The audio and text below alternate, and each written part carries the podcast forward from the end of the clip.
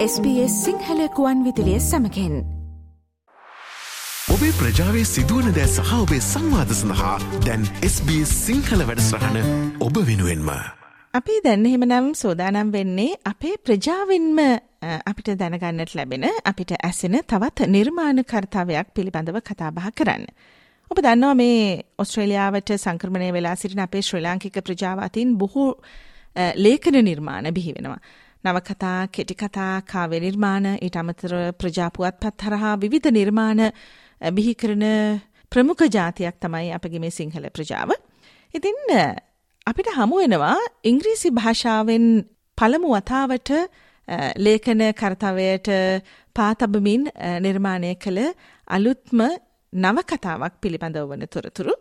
හැබැයි මේ නවකතාවට පාදක වන්නේ ලංකාවේ ජාතීන් දෙකක් අතර සම්මිශ්‍රණය වන අපූරු සිදුවීම් දාමයක්. ආර්යාස් ඩ්‍රීම් කියල තමයි මේ නවකතාව නම් කරලා තියෙන්නේ. මෙහි ලේඛිකාව මෙල්බන් වල සවිත්‍රී ජයසිංහ ඇය ශ්‍රී ලංකාවේ ඉංග්‍රීසි භාෂා ගුරුවරයක් විදිහට කටයුතු කරපු තැනැත්තියක් ඔස්ට්‍රලියාවට ආවට පස්සෙත් ඇයේ කාර්තාවය එලෙසින්ම කරගෙන යනවා ඇය මෙහිදිත් ඉංග්‍රීසි භාෂාව බොහෝ දෙනෙකුට ඒ ඥානය ලබා දෙනමින් කටයුතු කරන අතරතුරේදී තමයි මේ ඇගේ කුළුඳුල් ලේඛන කර්තාවයට ඇය පය තැබුවේ. එහි අග්‍ර ප්‍රතිඵලය විදියට එමනම් දැන් මේ සතියන්තයේදී ඇගේ පළවෙනි නවකතාව කලේලි බසිනවා. ආර්යාස් ඩ්‍රීම් යන නමින්. ඉතින් දැන් අපි සවිත්‍රීව සම්බන්ධ කරගන්නවා ටිකක් ඒ පිළිබඳව කතා බහ කරන්න. ආයිපුවන් සවිත්‍රී? ආයිපුවන් දිල්රුක්ෂී. අපි මුලින්ම කතා බහ කරමුද මේ ආර්යාස් ඩ්‍රීම් කියන ඔබගේ මේ පළමු නවකතාව සඳහා මේ මූලික අදහස් සහ කතාවට අවශ්‍ය වස්තු බීජය ඔබට මුලින්ම හමු වෙන්නේ කොහොමද කියලා? මට ආර්යස්ත්‍රීම් ලියන්න හේතුවන වස්තු බීජය උනේ ලංකාවේ පවතින අස්ථාවර ආර්ථික දේශපාලන සමාජීය පසුබිම්මම තමයි. ඒ තත්ත්වය යටතේ මිනිසුන් මම දැකලා තියෙනවා පීඩා විඳිනවා. ඒ වගේම දැන් ලංකාව ගැන හිතනකොට ලංකාව හරි සුන්දර සෞන්දර්යෙන් අනූන රටක්. නමුත් දැන් නිදහස ලැබලත් අවුරුදු 76ක් වෙන කාලයක අපිට එච්චර සතුට වෙන්න බෑ ලංකාවේ දැන් තියෙන තත්ත්වය ගැන. ඒ විස්තර තමයි මට හිතුනේ මේ කතාවට යොදා ගන්න ඕනේ කියලා. ඒ වගේම දැන් මිනිස්සු ගැන හිතනකොට දරිද්‍රතාවය වගේ ජනවාදගේ ප්‍රශ්න සමාජ ක්‍රමය ගැන පෙන්වන්නත් මට උවමනාවක් තිබුණා. දැන් ගොඩක් කලාට ඒවෙන් හෙම්බත් වෙලා ඉන්න මිනිස්සුන්ට වොයිස් එකක් නැහැ. ඒ වගේ තත්ත්වයක් යටතේ තමයි මට හිතුනේ මේ කතාව ලියන්න ඕනේ කියලා. හොඳයි සවිත්‍රී. දැන් දැන් ඔබ මේ කතාව ගොඩනංවනකොට ශ්‍රී ලංකාවේ සිංහල දෙමළ කියන ජනවර්ග දෙකම ආශ්‍රිතව කතාව ගොඩනංවන්නට උනන්දු වෙලා තියෙනවා. ඔබ එහෙම හිතුවේ ඇයි? මට එහෙම හිතුනේ දැන් අවුරුදු 30ක යුද්ධයක් අපිට තිබුණානේ. ඒ වෙලාවේ ඔය අවුරුදු 30ක කාලයක තුල මිනිස්සු සිංහල දෙමළ මුස්ලිම් බර්ග කියලා වෙනක් වෙනසක් නැතුව ගොඩාක් අය බොහෝ ගැටලු රාශියකට මුහුණ දුන්නා. ඒත් එක්කම මට හිතුණා සිදුවීම් ගැන හිතනකොට මේ ජන වාර්ගික ප්‍රශ්නේ ඇත්තටම මිනිසුන් තුලින් ඇති වුණාද එහෙම නැත්නම් වෙනත් ප්‍රශ්නයක්ද කියලා හිතුණා. එතකොට මට හිතුණා දැන් සිංහල දෙමළ වගේ අපි දැන් හිතන ඕස්ට්‍රේලියාවට ඇවිල්ලා අපි හැම ජාතියක්ම ඉන්නවා ලංකාවෙන් ආපු සිංහල දෙමළ මුස්ලිම් බර්ග කියලා අපි වෙනස්කමක් නැතුව අපි මෙහෙ ශ්‍රී ලංකන් කියන අයිඩෙන්ටිටි කානුව තමයි මෙහෙ ජීවත් වෙන්නේ. එතකොට මට ඇයි මේ ලංකාවේද මේ වගේ දරුණු තත්ත්වයකට පත් වුනේ කියන එක මට පොඩ්ඩක් විතර මේ හොයන්න ඒක ගැන යම්කිසි අවබෝධයක් ලබා ගන්න වගේම ලබා දෙන්නත් මට උවමනාවක් තිබුණා. ඔව්. දැන් අපි ගත්තතින් එහෙම මේ නවකතාව තුළින් ඇත්තටම සවිත්‍රී ඔබ පාඨකයාට කියන්න උත්සාහ කරන්නේ මොකක්ද කියලා. ඇතර මොකක්ද ඔබට ඒ සම්බන්ධව කියන්න තියෙන්නේ. ආර්යක් ද්‍රීම් තුළින් ඇත්තටම මම පෙන්වන්න අදහස් කළේ දැන් සාමාන්‍ය මිනිස්සු බේද ඇති කරගන්නනි පක්ෂ පාට ආගම් ಜಾති ගොඩක් බේද තියෙනවා ලංකාවේදී. නමුත් ඒ බේද අයින් කළා ඒ ඔය පාට කන්නාඩි පාට තොප්පි ගලවලා සමගි වෙන්න කියන එක මට කියන්න දැන් ලංකාවේ ගන්නකොට මිනිස්සු බොහෝ සමගියෙන් ජීවත් වෙනවා එක එකට වැඩ කරනවා එකම ස්ථානවල වැඩ කරනවා එහෙම වෙනසක් නැහැ. එතකොට ඒ වගේ වෙනස්කම් ඇති කරගන්නේ ඇයි මේ දේශපාලන තත්ත්වයේ යටතේ ඊට වඩා වෙනස් වෙන්න ඕනේ කියන එක මට කියන්න ඇත්තටම ඕනේ වුණා. එහෙම වෙනස් වෙන්න පුළුවන් කියන මිනිස්සුන්ට තියෙනවා ශක්තිය පුළුවන් කම තියෙනවා. ඒක වෙනස් වෙන්න පුළුවන් ඒගොල්ලන්ට. ඒ වගේම ගරු කළ යුතු කෙනාට ගරු කරන්න ඕනේ. අපි ඔය ගොඩක් කලාවට ජනවාර්ගික ප්‍රශ්නවලට හේතුව අපිට අනික් ජාතිය ගැන අවබෝධයක් නැති එක.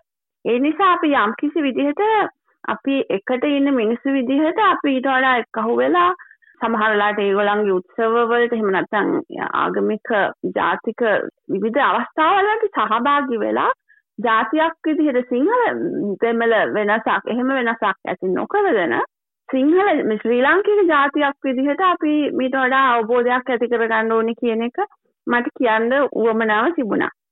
ඔව් අපි දැන් මේ කතා බහ කරමින් ඉන්නේ මේ සතියන්තයේදී අලුතින්ම දොරට වඩින ඉංග්‍රීසි භාෂාවෙන් ලියවුණු අපේ ශ්‍රී ලාංකිකයෙක් විසින් පළවෙනි වතාවට අපගේ ප්‍රජාවට දායාද කරන මේ ඇගේ පලවෙනි නවකතාව ආර්යා ස්ට්‍රීම් නවකතාව පිළිබඳවයි.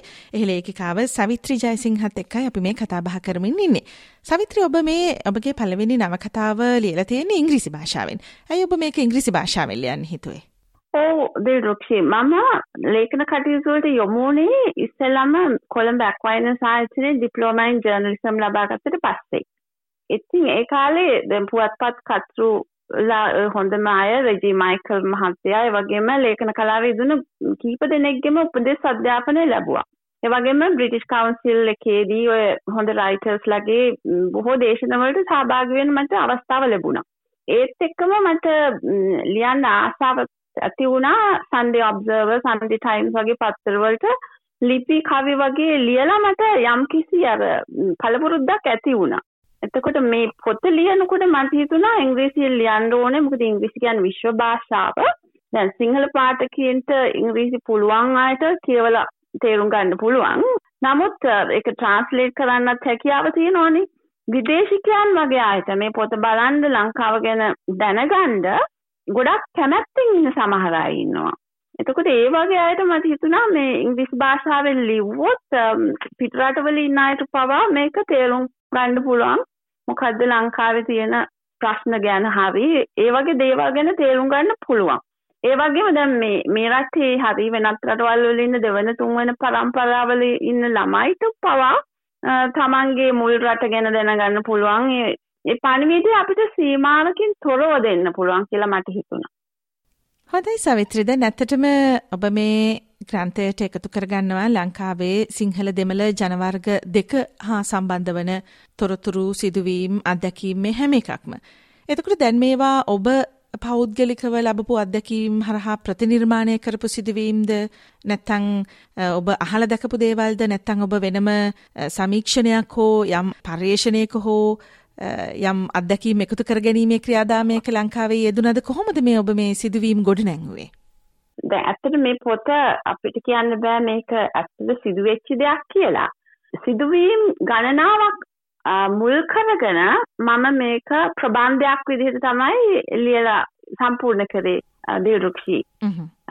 ඒක ලියනකොට මම ගොඩක් කලාට ඉස්සර ඉඳන්ම මට තියෙන අත්දැකීම් මේ යම් යම් පළාත්වලට ගිහිල්ලා ඒ මිනිසුන්ගේ ජීවිත ගැන යම්කිසි අවබෝධයක් ඔය වතු කරේ ගැන පොඩි කාලේ නම් මට යම්කිසි අවබෝධයක් තිබ්බා. ඒ වගේම අපි 2010 නම් වගේ කාලේ ඉඳන් 2019 වගේ කාලය තුල අපි ලංකාවේ ලංකාවට ගියපු කාලවලදී විවිධ පළාත් වලට අපිට යන්න පුළුවන්කම තිබුණා. ඒ ඒ අවස්ථාවලදී අපි සමහරලාට ඒ මිනිසුන් හම්බ වෙලා ඒ වත්තුකම් කරුවන් එතකොට සිංහල ගැමියන් ගොඩක් කලාට ඒගොල්ලන්ට සුහදව කතා බහ කරලා සමහර කරුණු අපි දැනගත්තා. එතකොට මම මේක රිසර්ච් එකක් විදිහටම කරේ නැහැ. නමුත් යම් යම් තොරතුරු මම දැනගත්තා. එතකොට ඒවා පාදක වුණා මගේ කතාවට යම් කිසි ආකාර. නමුත් මේක සත්‍ය සිදුවීම් ගොඩක්ම මම මුල් කරගත්තා කියලා කියන්නේ නැහැ. ඒවා පාදක කරගත්තා. හොඳයි. දැන් ආර්යා ස්ට්‍රීම් මේ සතියන්තයේදී කලෙලි වසිනවා. අපි අවස්ථාව පිළිබඳවත් ටිකක් තොරතුරු දැනගන්න කැමති සවිත්‍රී. අපි මේ කොළොස්සනි ඉරිදා ප්‍රස්ටනල ශය හෝල් එකේ තමයි පොත එලි දක්කන්නේ මම මේ පොත පබ්ලිෂ් කරෙත් ඔස්ට්‍රේලියාවේ ෆොන්ටේන් පබ්ලිසින් ආයතනේ ඉතිං ඒ පොත මට හිතුනා පාඩකීන්ට අවස්ථාව ලබා දෙන්න ඕනි කියල. ඉතිං අපි ඒක ඕගනයිස් කරා එකොළොස්වැනි ඉරිදා දවසේ ප්‍රස්ටන් වල සයහෝල්ලකිදී පවත්වන්න. මම මේ පොත ගැන කතා කරන්න ඕනේ තව දෙයක් දිල්රුක්ෂි දැම් පොත ලියන කාලෙත් මට මේ මෙල්බන් වල ඉන්න දමිල සහෝදරයෙන් ට්‍රන්ස්ලේෂන් ඉලස්ට්‍රේෂන් වලින් දායක වුණා. මම ඒකත් මතක් කරන්න ඕනේ දැන් අපි මේ ඔස්ට්‍රේලියාවට ඇවිල්ලා ශ්‍රී ලාංකිකයින් විදිහට අපේ සම්පත් මීට වඩා ප්‍රයෝජනයට අරගෙන සමගියෙන් යම් කිසි විදිහට මේ සමාජයට සමාජයේ ප්‍රගතියට දායක වෙන්න ඕනේ කියලා ඒකත් මං කියන්න ඕනේ. එතකොට අපි මේ බුක් ලොන්ච් එක තියෙන්නේ ප්‍රෙස්ටන් වල ෂයර් හෝල් එකේ 11 වෙනි ඉරිදා. 3 ඉඳන් 6 වෙනකම් යම් කිසි කෙනෙකුට එන්න අවශ්‍ය නම් කන්ටැක්ට් කරන්න පුළුවන් මගේ මහත්තයා දුලිප් කුරේ. එයාගේ ටෙලිෆෝන් නම්බර එක 04 255 22271 බින්දුවයි හතරයි දෙකයි පහයි පහයි දෙකයි දෙකයි දෙකයි හතයි බින්දුව කියන දුරකථනයට.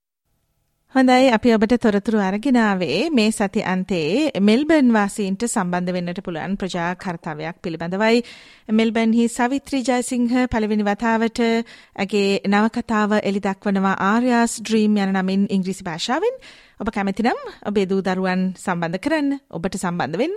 සවිත්‍රි සඳහන් කරපු ආකාරයට සම්බන්ධතාව ඇති කරගන්නට පුළුවන්.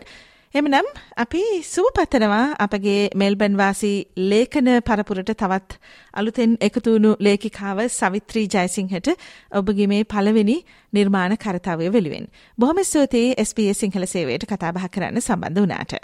බොහොම ස්තුතියි දිල්රුක්ෂ මට ආස්ථාවක් ලබා දුන්නට ඒවගේ මේ SBS ගුවන් විදුලියටත් මම හිතනවා මට ලබා දුන්න අවස්ථාවක් කියලා එහෙනම් ඉතින් ඔබගේ වෙලාව ගැනීම ගැන මම බොහොම තෑන්ක්ෆුල්.